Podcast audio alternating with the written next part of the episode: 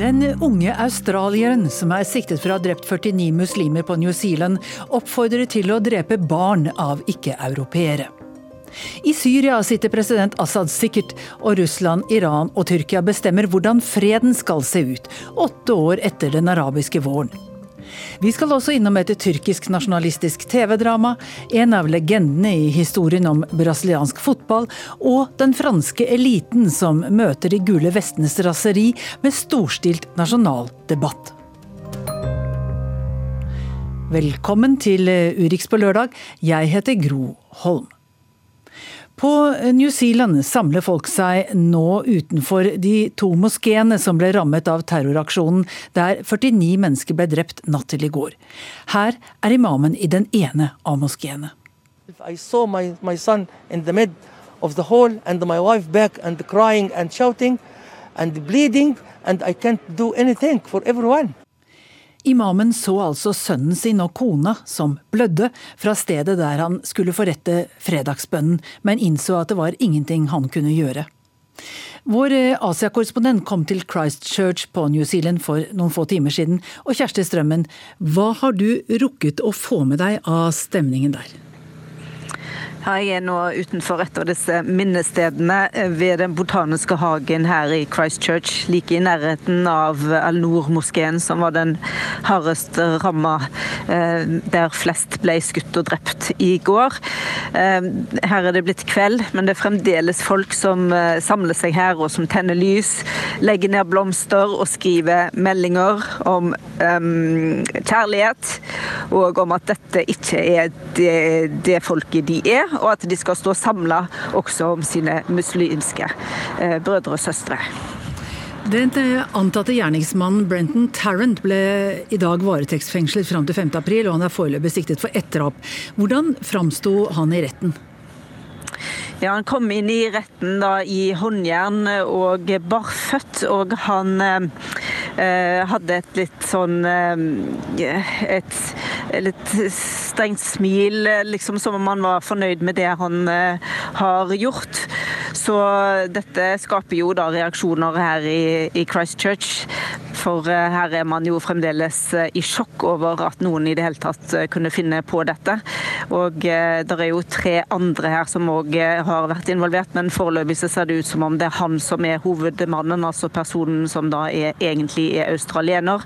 Og han har da hatt våpentillatelse her i Australia, og mange stiller også spørsmål til det, hvordan det i det hele tatt har vært mulig med en sånn ekstrem person.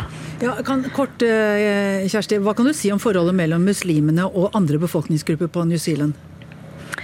Ja, Det virker jo her som om dette har eh, vært et veldig sånn eh, godt forhold. Altså Folk har ikke følt at det har vært noen store skillelinjer.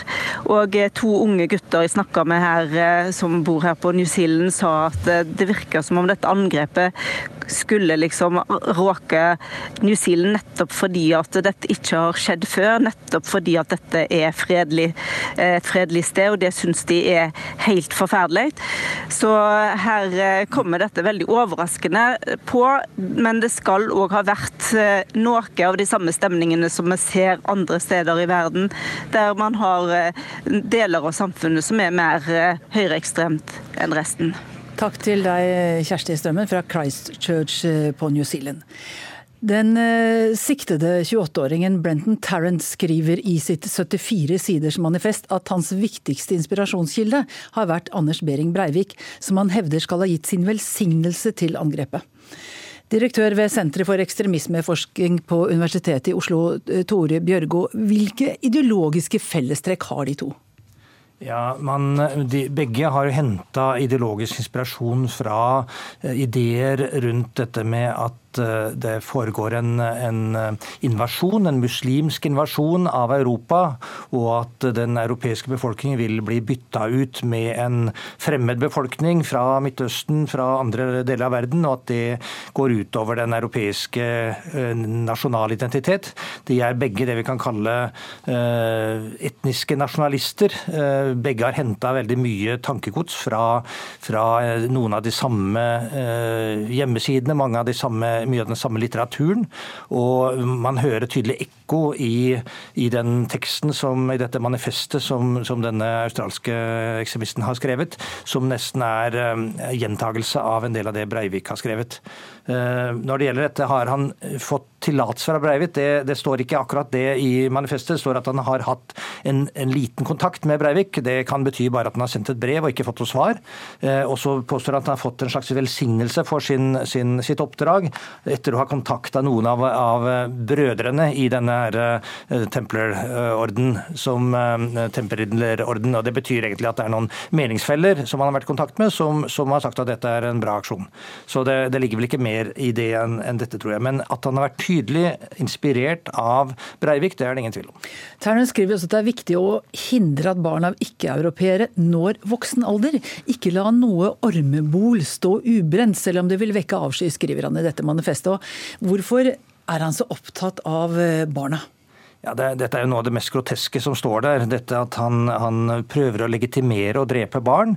Eh, ikke nok med at han skal drepe uh, ubevæpna, hjelpeløse voksne, men han vil også drepe barna. og Begrunnelsen er at de vil vokse opp, og da vil de gjenformere seg, og så vil de overta uh, på en måte dominansen i samfunnet. Og uh, Han begynner jo hele dette manifestet med at dette er en slags demografisk krig. At, at det, alt handler om, om befolkning, om, om det kan kalle det the great replacement.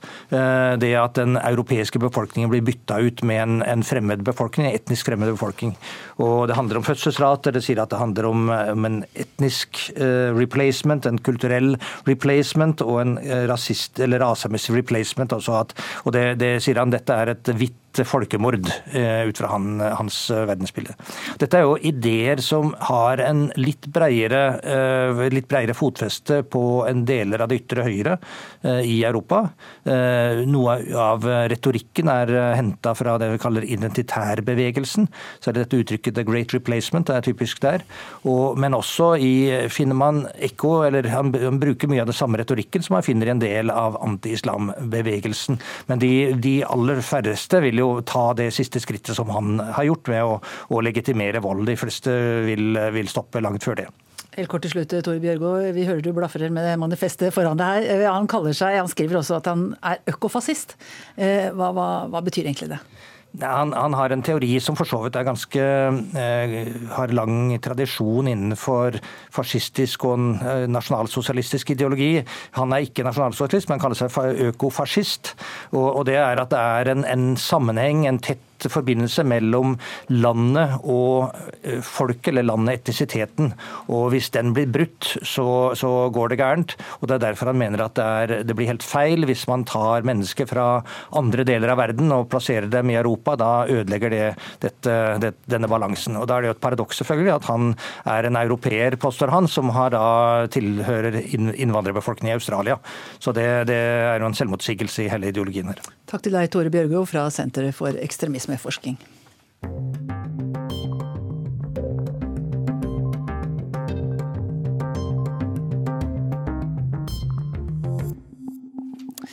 Nå i mars er det åtte år siden opprøret i Syria startet som en del av den såkalte arabiske våren.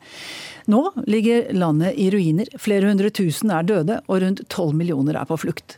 Samtidig sitter president Bashar al-Assad tilsynelatende trygt, og Russland, Iran og Tyrkia avgjør hvordan freden skal se ut. USA er på vei ut. Kamphandlinger i Bagos helt øst i Syria denne uka. Krigerne fra den islamske staten er så godt som nedkjempet. Drømmen om kalifatet er knust. Samtidig, regjeringsstyrker støttet av krigsfly fra Russland angriper Idlib som opposisjonen fortsatt kontrollerer. Det til tross for en avtale mellom Russland og Tyrkia om å hindre nye kamper der.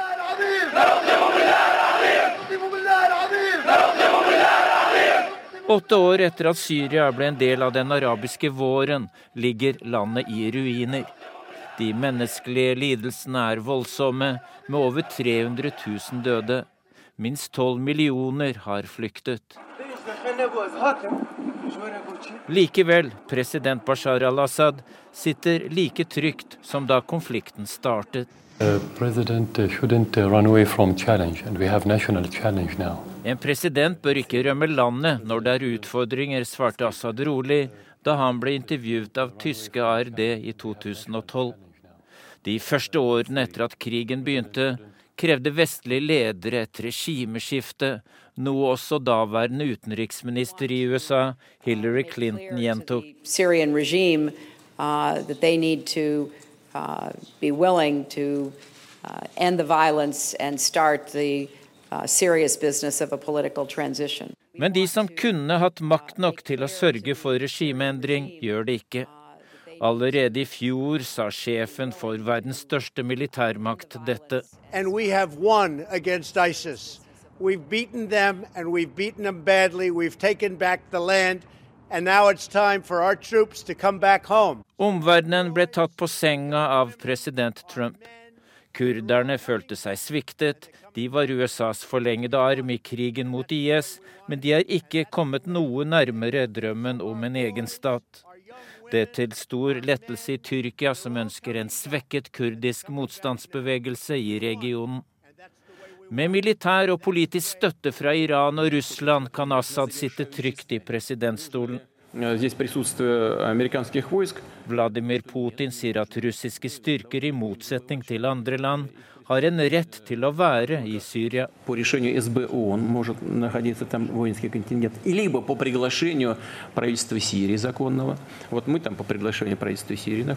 Andre må ha en resolusjon fra FNs sikkerhetsråd for å ha styrker der.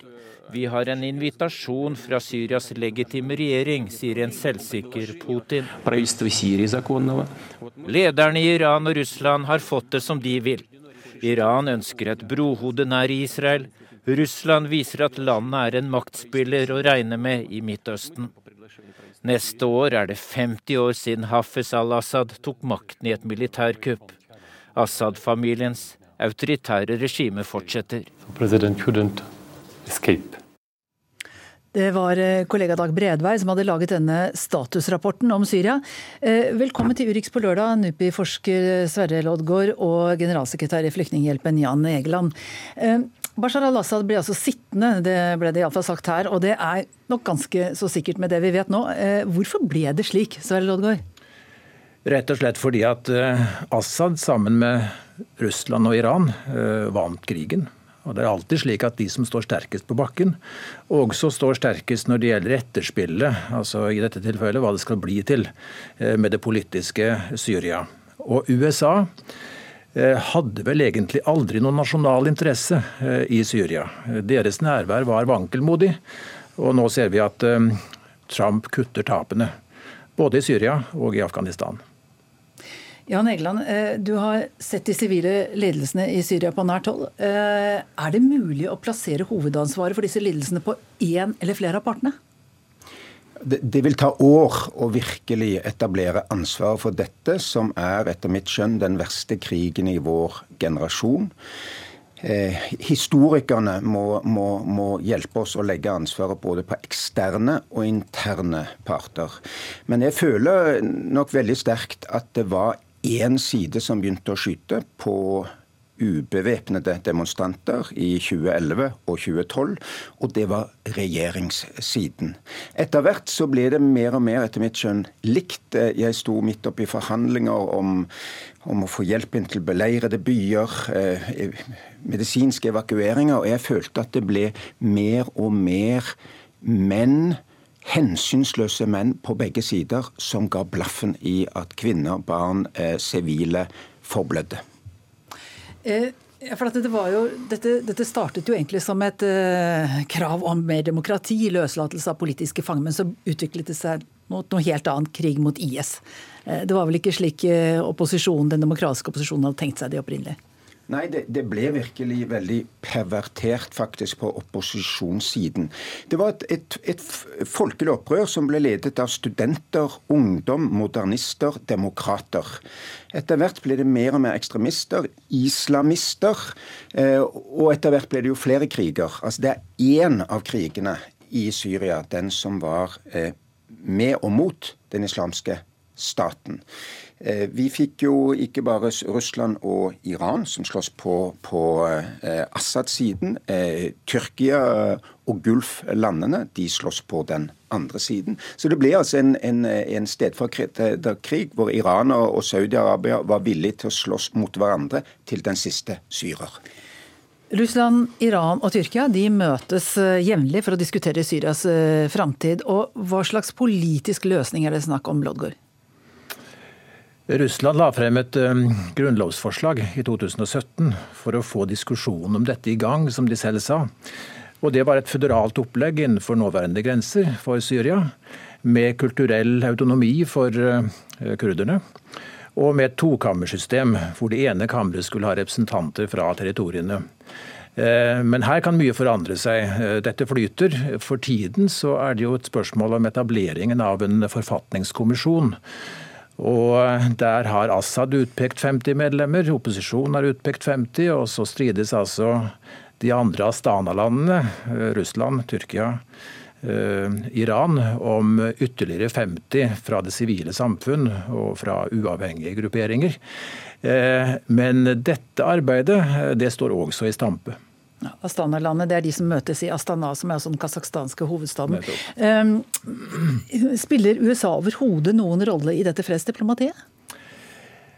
Veldig lite, men de kommer naturligvis inn på sett og vis på, på FN-siden. Og eh, De hemmes jo også når det gjelder gjenoppbyggingen eh, av det faktum at de altså har strenge sanksjoner eh, rettet mot, mot Syria. Der står de andre landene friere, noe friere. Og for Assad er det mindre eh, politisk betent å, henvende seg til, Russland for gjenoppbygging enn til Iran. Men de konkurrerer jo da, disse landene, om kontrakter. Og så kommer Kina inn i bildet. Eh, Kina, Huawei, eh, fikk en kontrakt om eh, gjenoppbygging av telekommunikasjonssystemet allerede i 2015. De er inne med store eierandeler i to syriske oljeselskaper. Og de etablerer seg i havnebyene Syrias Tripoli og Latakia.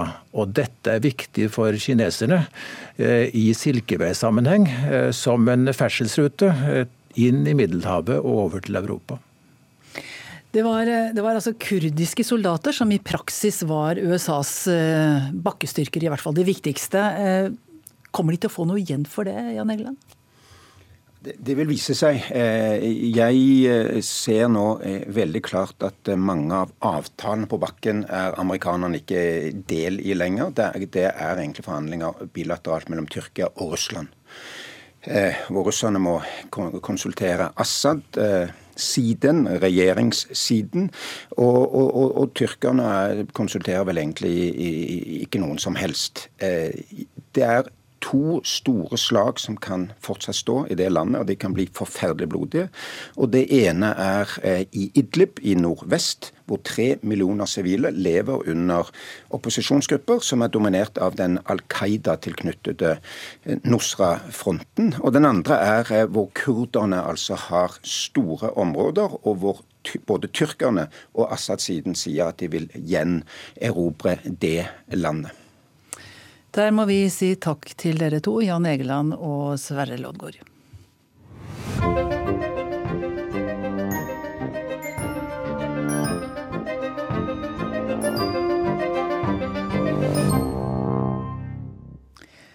Nå skal vi fortsatt snakke om uh, Tyrkia, men det skal handle om tyrkisk TV-drama. For det er nemlig eh, big business, det er stort i Tyrkia.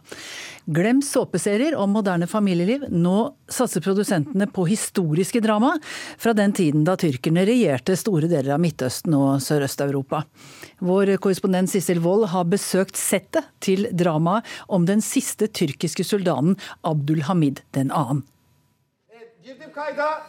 Det gjøres klart til opptak. Alle kamerafolk, skuespillere og statister må være på rett plass før action.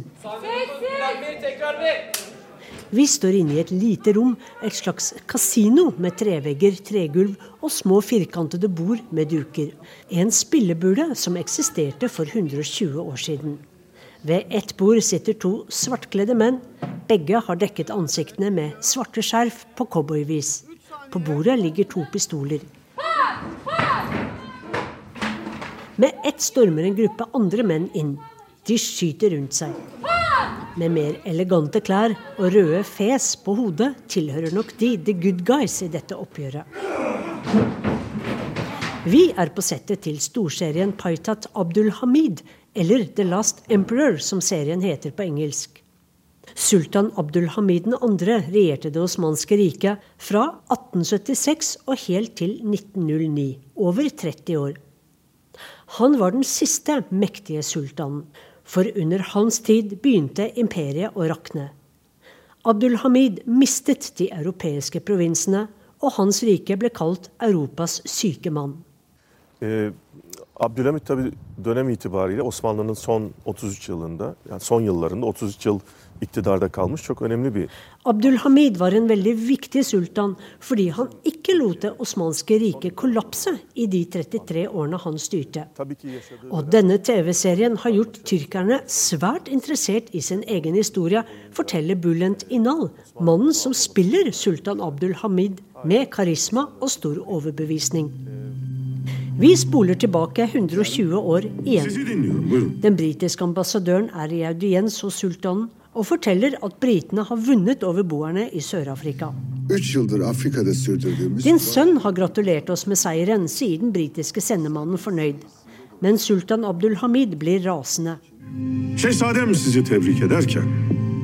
Du misforsto telegrammet. Han gratulerte dere fordi dere drepte så mange sivile og ikke følte noen anger. Dere har tatt kvinner og barn til fange, plassert dem i konsentrasjonsleire og satt dem til å dø. Hvorfor skulle jeg gratulere dere med denne skitne krigen? Sultanen snur seg til sin general og sier Jeg har sagt at vi må stå sammen for å være sterke. Men så går min sønn hen og priser de britiske undertrykkerne. Hva skal vi gjøre når våre nærmeste viser slik svakhet, brummer sultanen mens han dunker som sedvanlig med stokken sin. Og slik utspiller intrigene seg episode etter episode, både mellom stormaktene og innad i sultanens egen familie. Da Abdul Hamid mistet Balkan, kom han til at islam var løsningen for å holde resten av det osmanske riket sammen. For han var også kalif, og jobbet for å styrke båndet mellom de muslimske provinsene på tvers av riket. Han vendte seg fra Vesten og mot Østen. Nå står vi midt i det som var Istanbuls berømte hovedgate, Istiklal, for 100 år siden, men da het den Grand Pera Aveny og var senteret i Konstantinopel, eller Konstantinie, som osmanerne kalte byen. Vi er i den lille filmbyen produksjonsselskapet S-Film har bygget opp i Ismit, to timers kjøring fra Istanbul. Den statlige tyrkiske TV-kanalen TRT er medprodusent og sender serien hver uke. Og her, nedover brosteinene, kommer Bulent Inal, skuespilleren som gir liv til sultan Abdul Hamid. Mens rollefiguren hans er kledd i gullbrodert uniformsjakke og alltid er tynget av alvor og problemer, er den smilende Bulent Inal kledd mer som en hipster med sitt gjenkjennelige skjegg. Hvordan gikk han inn i rollen som en av verdens mektigste menn? En sultan som hadde 13 koner til sammen, og visstnok 17 barn, og som levde for over 100 år siden. Tabii ki zor. Yani başta tabii ki ben de çok zorlandım. Det var vanskelig, men når manuset var så godt skrevet, var det lett å finne frem til karakteren. Og for å forstå psykologien hans leste jeg en biografi skrevet av to psykiatere om barndommen hans og forholdet han hadde til foreldrene sine og sine nærmeste. O tarihteki karakterin birçok özelliğini o psikolojik serüveninde Jeg har ikke vært så interessert i den politiske delen, men er mer opptatt av å få frem psykologien hans, forteller Inal.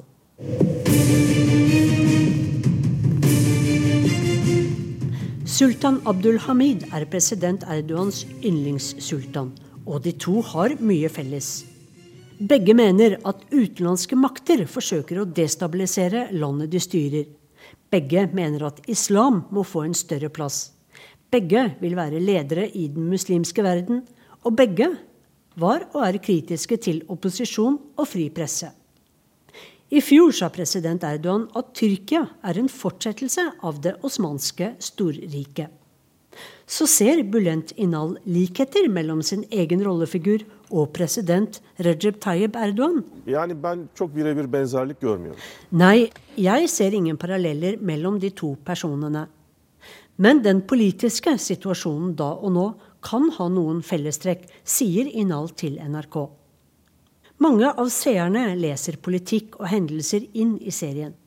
Men skuespilleren selv, som er blitt megakjendis pga. rollen som Abdul Hamid, ser ikke serien på den måten. Arnt Stefansen i eh, Rio de Janeiro har sendt oss ukas korrespondentbrev. Og det handler om en person som for alltid har skrevet seg inn i brasiliansk fotballhistorie på sin måte. Hans død ble knapt lagt merke til utenfor Brasil, selv om han skapte noe som hele verden kjenner.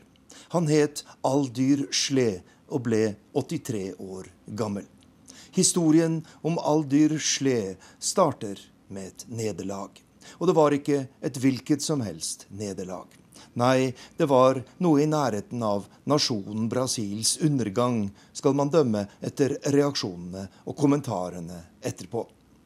Året er 1950, og Brasil står som arrangør av VM i fotball, et uhyre prestisjetungt mesterskap av mange grunner. Det er det første fotball-VM etter den annen verdenskrig.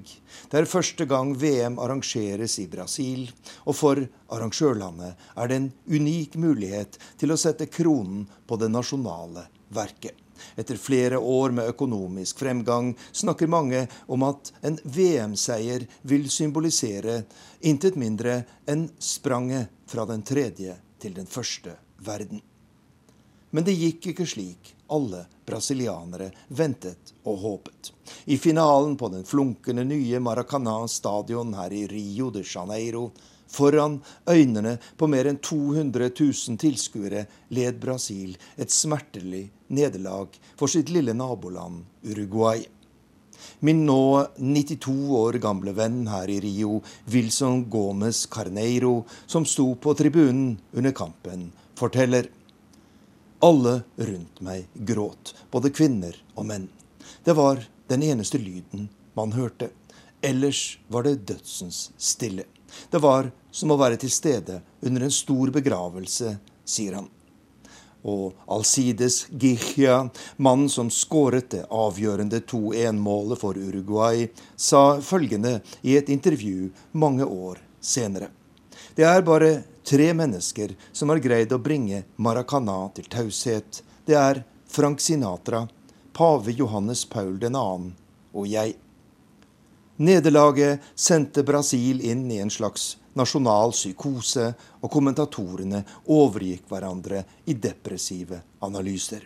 Dette er den største tragedie i vår moderne historie. Det er Brasils Hiroshima, skrev en kommentator. Blant mange forklaringer på nederlaget var det én de aller fleste greide å samle seg om. Brasil spilte i feil drakt. Under VM i 1950 var spillerne kledd i hvit skjorte med blå krage og hvite bukser. Dette var upatriotisk og uten moralsk symbolikk, mente diverse kloke hoder, og viste til at Brasil har fire nasjonalfarger. Grønt, gult, blått og hvitt. Der grønt symboliserer urskogen, gult er landets rikdommer, blått er himmelen, og hvitt er et symbol på fred. Man ble derfor enige om å få tegnet en ny drakt, der alle de fire fargene skulle være med. Og i 1953 utlyste avisen Correio da Manhã i samarbeid med Brasils sportskonføderasjon en nasjonal konkurranse der landets designere ble oppfordret til å delta. Påmeldingen var stor og nivået høyt, og blant dem som deltok, var landets mest kjente designer. Det var derfor med ytterst beskjedne forventninger en 19 år gammel avistegner i byen Pelotas i det sørlige Brasil sendte inn sitt forslag. Hans navn var Aldyr Sle, og resten er historie. For juryen mente det var han som best hadde løst den krevende oppgaven med å lage en vakker fotballdrakt med alle de fire Brasil-fargene. Jeg syntes egentlig at det var en håpløs idé å presse alle disse fargene inn i en drakt, sa han da jeg møtte ham i hans hjem i Pelotas for noen år tilbake. Gult, grønt, blått og hvitt passer dårlig sammen. Og jeg visste ingen land som blandet så mange farger i en fotballtrøye. Jeg prøvde først med en skjorte i gult og hvitt, men så straks at det ville bli drakten til Vatikanstaten, sa han med en latter. Hele 100 utkast ble laget og forkastet før Aldyr Sle hadde vinnerdrakten klar. En helt gul trøye med grønn krage, blå bukser og hvite strømper. Et sportsantrekk som skulle oppnå en enorm suksess og popularitet, og det var med denne drakten Brasil ble fotballstormakten fremfor noen. Paradoksalt nok brukte ikke laget den gule skjorta da Brasil tok sitt første VM-gull i 1958. I finalen møtte de nemlig vertslandet Sverige, som også spiller i gult, og som vant loddtrekningen om hvem som skulle bruke sin hoveddrakt. Brasil tok derfor VM-gullet i blå reserveskjorte. I Mexico i 1970 vant Brasil sin tredje VM-seier. Og dette var det første fotball-VM som ble sendt i farge-TV.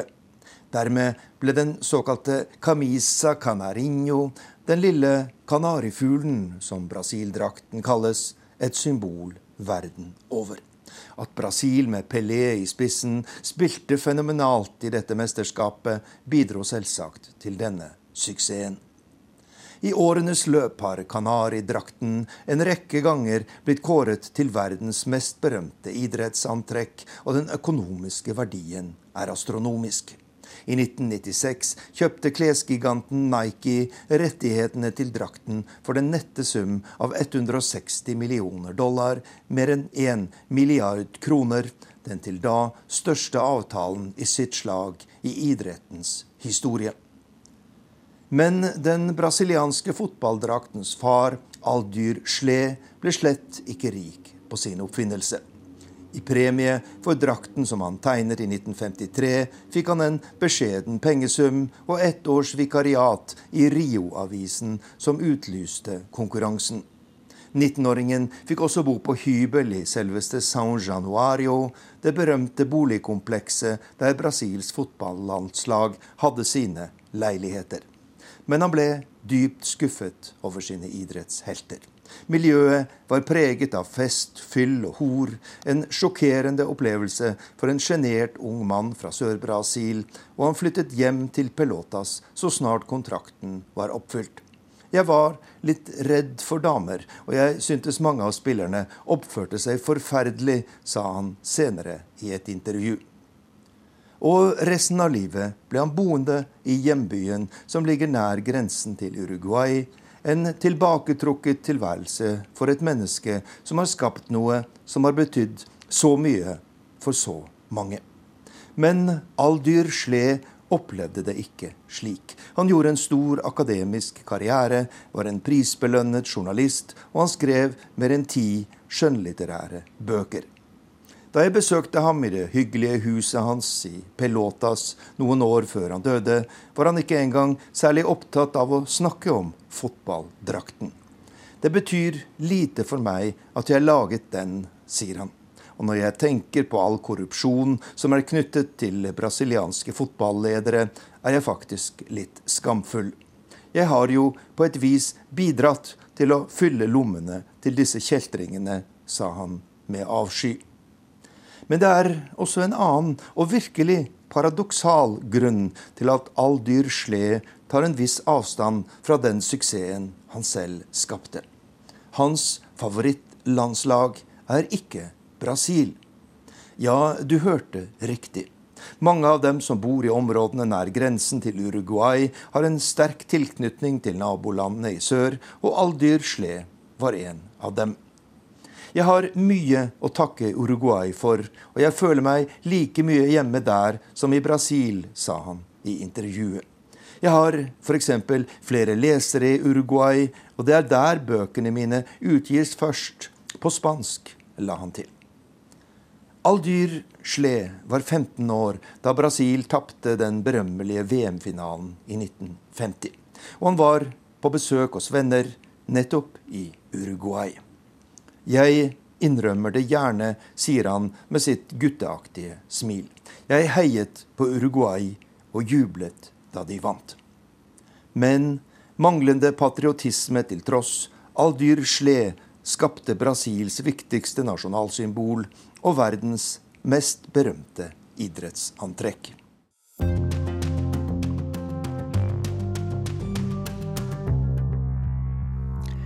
Nasjonal debatt er elitens svar på grasrotas sinne i Frankrike etter måneder med gule vester i gatene. Det er tema for ukas utgave av Krig og fred. NRK.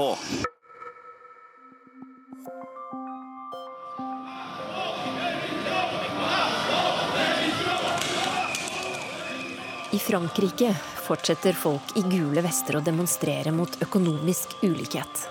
De har sperra veier og demonstrert i gatene i fire måneder nå.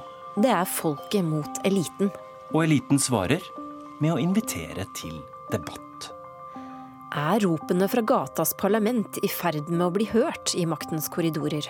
Eller er dette et politisk skuespill for åpen scene? Og hvorfor er franskmenn så glad i å demonstrere og debattere? Krig og fred med Tore Moland og Elisabeth Onsum.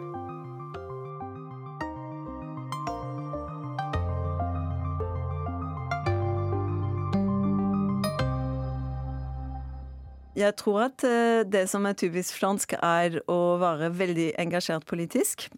Og vi lærer at makta kan alltid utfordres. Hei, jeg heter Laurelou Desjardins. Jeg er fransk fra Marseille og har bodd i Norge i nesten ti år. Jeg er utdanna jurist og er også forfatter.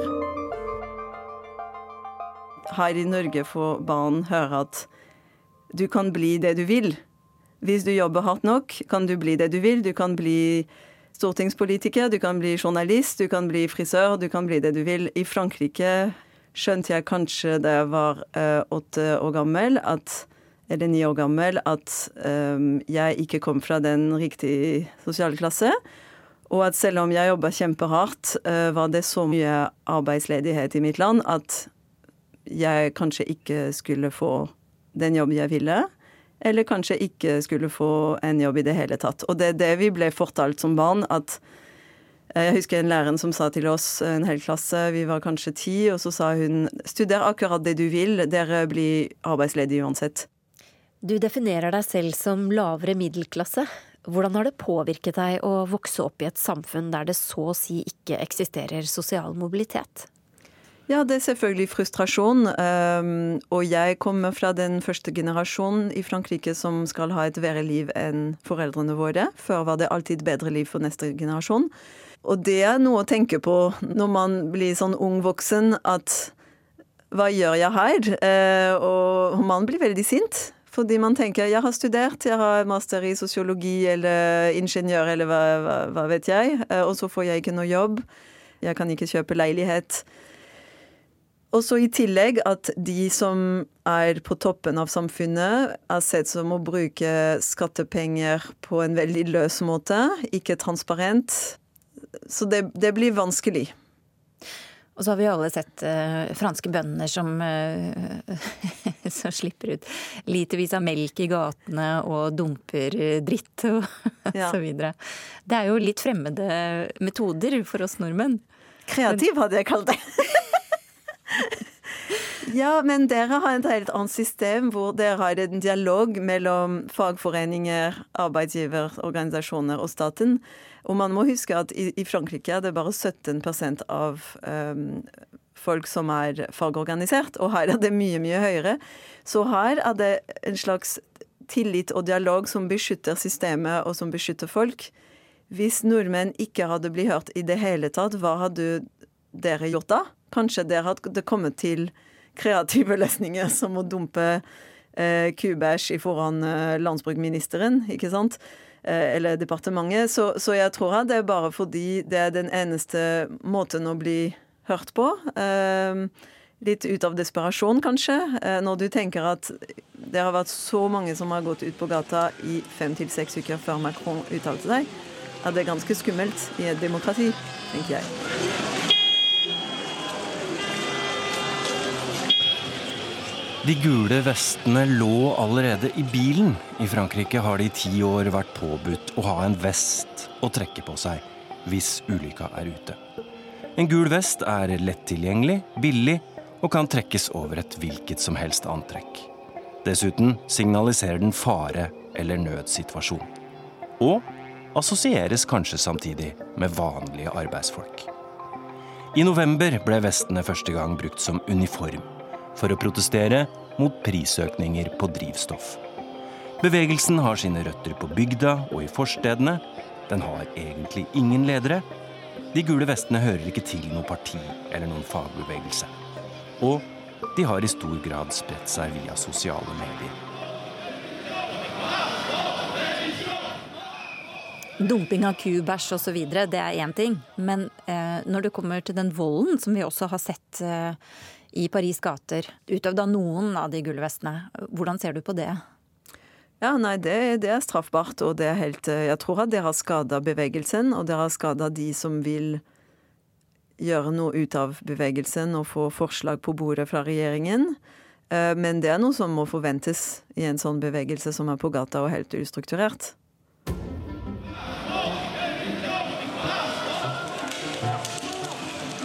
Første dagen da vi kom, så, så var det intenst. Drosjesjåføren sa at dette her er en, en, streik utenom det vanlige. Jeg skal se hvor langt jeg klarer, hvor nærme jeg skal klare eh, å kjøre dere.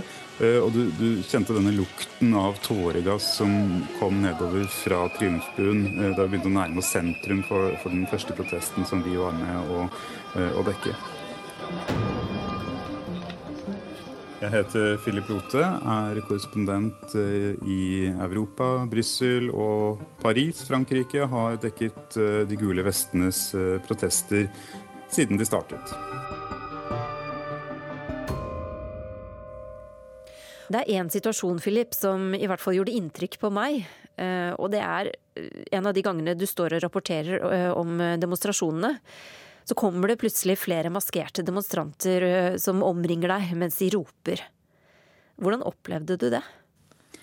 Jeg har jo ikke så godt sidesyn at jeg så alt de, de gjorde. Jeg forsto jo at noen hadde trukket ned buksa, og, eh, og, de ropte jo 'hold kjeft, hold kjeft'. Akkurat for noen få minutter siden så eh, ble det brukt mer tåregass eh, i den gaten her, så vi måtte flytte oss eh, litt, eh, måtte flytte oss litt det er jo dette mediehatet som mange av dem har, og særlig rettet mot én fransk privat kanal kalt B5 eh, TV, eh, som, eh, som da har blitt et synonym for alle medier, altså det de kaller mainstream hovedstrømsmedier, som er alliert med Macron. Og, og, Vi må bruke litt tid på å forklare hvem vi er, og det er ikke alltid de er så opptatt av det. Og det var en situasjon hvor, vi, hvor kameramannen ble angrepet. Vi hadde vært inne på en kafé, redigert, og så ser vi at demonstranter blir jaget ned gaten av politiet. Når de er forbi, så går vi ut, og så ser vi noen brennende biler. Eh, beveger oss bort mot i retning av de eh, for å filme litt. og Da kommer en annen gruppe ut som har stukket eh, seg inn i en sidegate. Og de kommer mot oss. og Så fortsetter vi å filme litt, og så roper de B5TV, B5TV. Og, og vi sier nei, vi er ikke franske engang. Vi er, vi, er også blå logo, men det er ikke oss. Og så binder vi over de første og kan snakke med og disse er ok, de er, de er ikke B5TV. Og så kommer det en ny gruppe som vi da ikke rekker å få snakket med. Eh, og En av de går rett i angrep på, på kamera, begynner å slå løs på kamera, ser meg rett i øynene og gir meg et skikkelig tupp eh, i leggen med en, eh, en vernesko.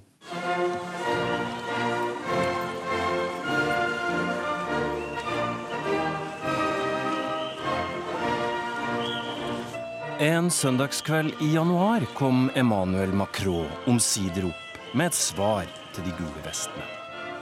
I et brev fra presidentpalasset sa han at krisa må snus til en mulighet, og inviterte Frankrike til nasjonal debatt. Temaene var skatt og offentlige avgifter, hvordan landet skal styres, det grønne skiftet og hva det vil si å være en fransk borger. I to måneder skulle det vare. 15. mars avsluttes møtene, og til nå har det visstnok kommet inn 1,4 millioner klager og forslag. Nå skal presidenten sortere og si hva han vil gjøre med alt dette. Og akkurat nå er Emmanuel Macron plutselig like populær igjen som han var før demonstrasjonene begynte.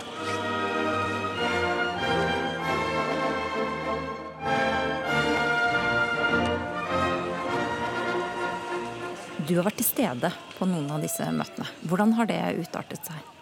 Du, det var veldig fascinerende. Jeg syns det var utrolig moro å være med på de møtene. Jeg var nede i Sør-Frankrike på ett møte, og så på ett møte i eh, en forstad utenfor Paris. Jeg heter Tove Gravdal. Jeg er eh, utenriksjournalist i Morgenbladet.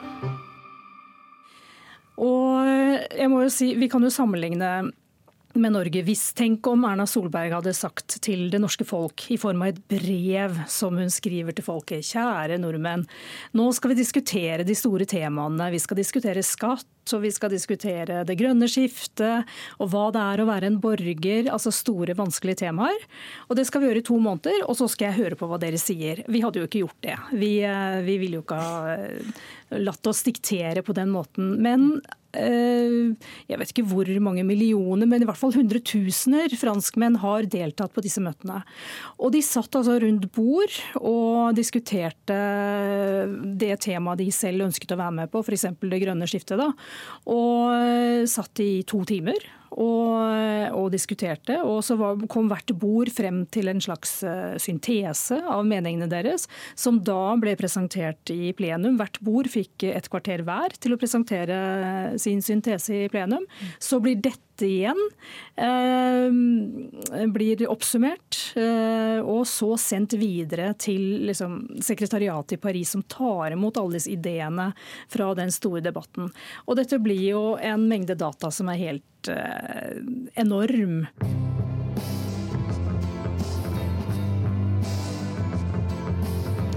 Og så var det ett møte hvor det dukket opp en stjerne. Ja. Det var veldig morsomt, fordi nede i Santa Gulf eh, ved Rivieraen så var det De gule vestene selv som arrangerte det møtet. Men så plutselig så reiste alle seg. Wow, hun er stjernen vår! Se, der er hun! Og inn kommer Brigitte Bardot med gul vest. Ils ont besoin euh, de savoir que beaucoup, beaucoup de Français on les, les admirent parce qu'ils ont beaucoup de courage. Eh, den 84 år gamle divaen, sexsymbolet fra 60- og 70-tallet. Hun kom da inn og gjorde en av sine få eh, offentlige opptredener eh, de siste årene. Og var Hva sa hun? Hun støttet de gule vestene og bare 'ikke gi dere, dere må stå på', sa hun til, i mikrofonen. Og Så kom jeg bort til henne før hun gikk og så spurte jeg henne hvorfor støtter du, støtter du de gule vestene. Jo, fordi de er modige, og fordi de eh, Ils sont de quie, sa hun. Og så, og så, måtte jeg tenke meg litt om. Og så, Å, hva betyr det ordet? Jo, de har baller, sier hun da, ikke sant. Og um, hun, eh, det, var, det, ga en sånn boost til forsamlingen at hun kom der og støttet dem. Om hun dermed støttet den eh, nasjonale debatten som Macron satte i gang, det vet jeg ikke. Disse protestaksjonene har jo også blitt tolket som et rop om å bli hørt. Tror du at disse dialogmøtene vil være rett svar på det? Ja, det kan hende, og, og det kan hende det motsatte. Problemet hans er at han er jo nødt til å foreta noen uh, ubehagelige og upopulære valg. Det er jo upopulært for mange å heve pensjonsalderen. Eh, det er upopulært å kutte i offentlige utgifter som får konsekvenser for eh, folks eh, dagligliv. Og han er nødt til å gjøre det. Men hvis han greier å være litt bedre på symbolikk enn det han har vært hittil Han har jo virkelig du kan si, driti seg ut ved å, ved å snakke på en veldig arrogant måte noen ganger og nærmest be folk om at du kan bare ta deg sammen, så får du en jobb. ikke sant? Og, og det har han faktisk bedt om unnskyldning for, at han har opptrådt arrogant noen ganger. Og hvis han er smart, da, så finner han noen sånne kanskje litt symbolske ting. F.eks. så kan han si at nei, nå skal ikke medlemmene av nasjonalforsamlingen ha eh, penger til å betale fire personer eh, på heltid til å jobbe for seg i nasjonalforsamlingen. Det har vi ikke råd til. Nå må de greie seg med én. Resten må de betale selv.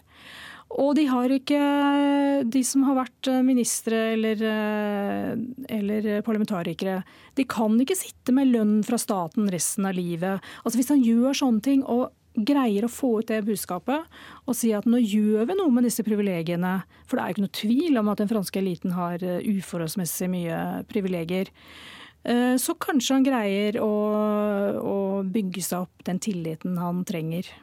Hva tror du da, har du tillit til at det kommer til å skje ting?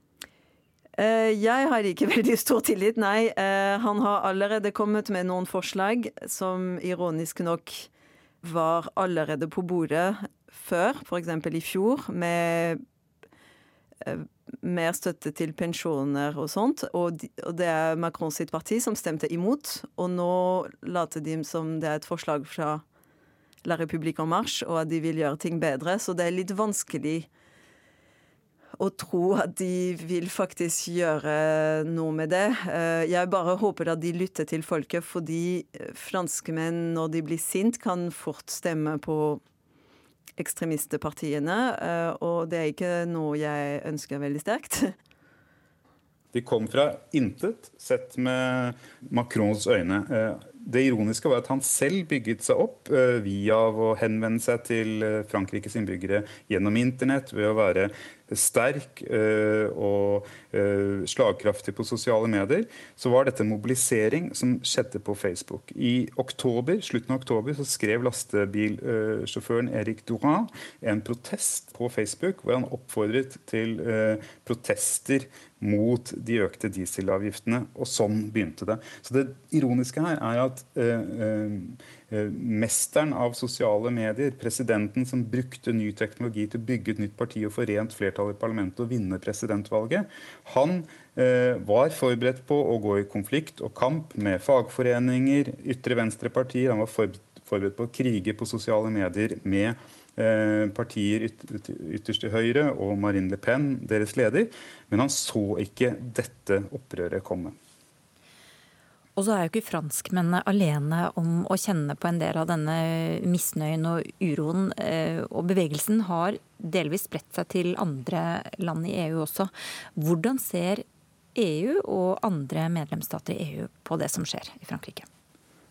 altså topplederne, EUs toppsjefer i, i Brussel, var jo overlykkelige da Macron vant presidentvalget. Her kom en sann europeer inn, en som vil lage et større europeisk prosjekt. Så de liker jo ikke denne forstyrrelsen som eh, Macron er nødt til å håndtere, og som kom totalt overraskende eh, på ham.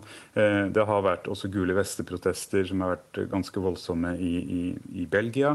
Eh, det har eh, vært uh, klare støtteerklæringer fra Italia. Luigi Di Maio, som er visestatsminister i Italia, har til og med besøkt og snakket med de gule vestene. Det gjorde at Frankrike trakk ambassadøren sin hjem fra Italia, så det ble en diplomatisk krise. Så de gule vestene har markert seg utover Frankrikes grenser, og er blitt en urofaktor i oppkjøringen til EU-valget i mai, som blir det viktigste EU-valget kanskje noensinne. Det er ingen tvil om at de gule vestene påvirker eh, politikken. Og har eh, satt eh, viktige temaer på dagsorden. Det er litt sånn som metoo-bevegelsen. ikke sant? Dette er noe vi har visst om lenge i Frankrike. Det er jo ikke noe nytt at eliten har hatt store privilegier, eller at ulikheten har økt i samfunnet. Og... Men nå kom det altså til et punkt hvor folk bare ikke finner seg i dette lenger. De har for alvor satt uh, sosial og økonomisk ulikhet på den politiske dagsordenen, som gjør at uh, du kan ikke bli valgt politiker hvis du ikke har et program som, uh, som tar for seg den utfordringen. Og nå i formiddag kommer det meldinger om nye sammenstøt mellom demonstranter med gule vester og politiet nær triumfbuen i Paris. Rundt 20 mennesker skal være arrestert, og dette er den 18. helgen på rad med demonstrasjoner i den franske hovedstaden. Og dermed er eh, Urix på lørdag slutt. Teknisk ansvarlig var Hilde Tosterud, produsent Ellen Fredriksen og her i studio Gro Holm.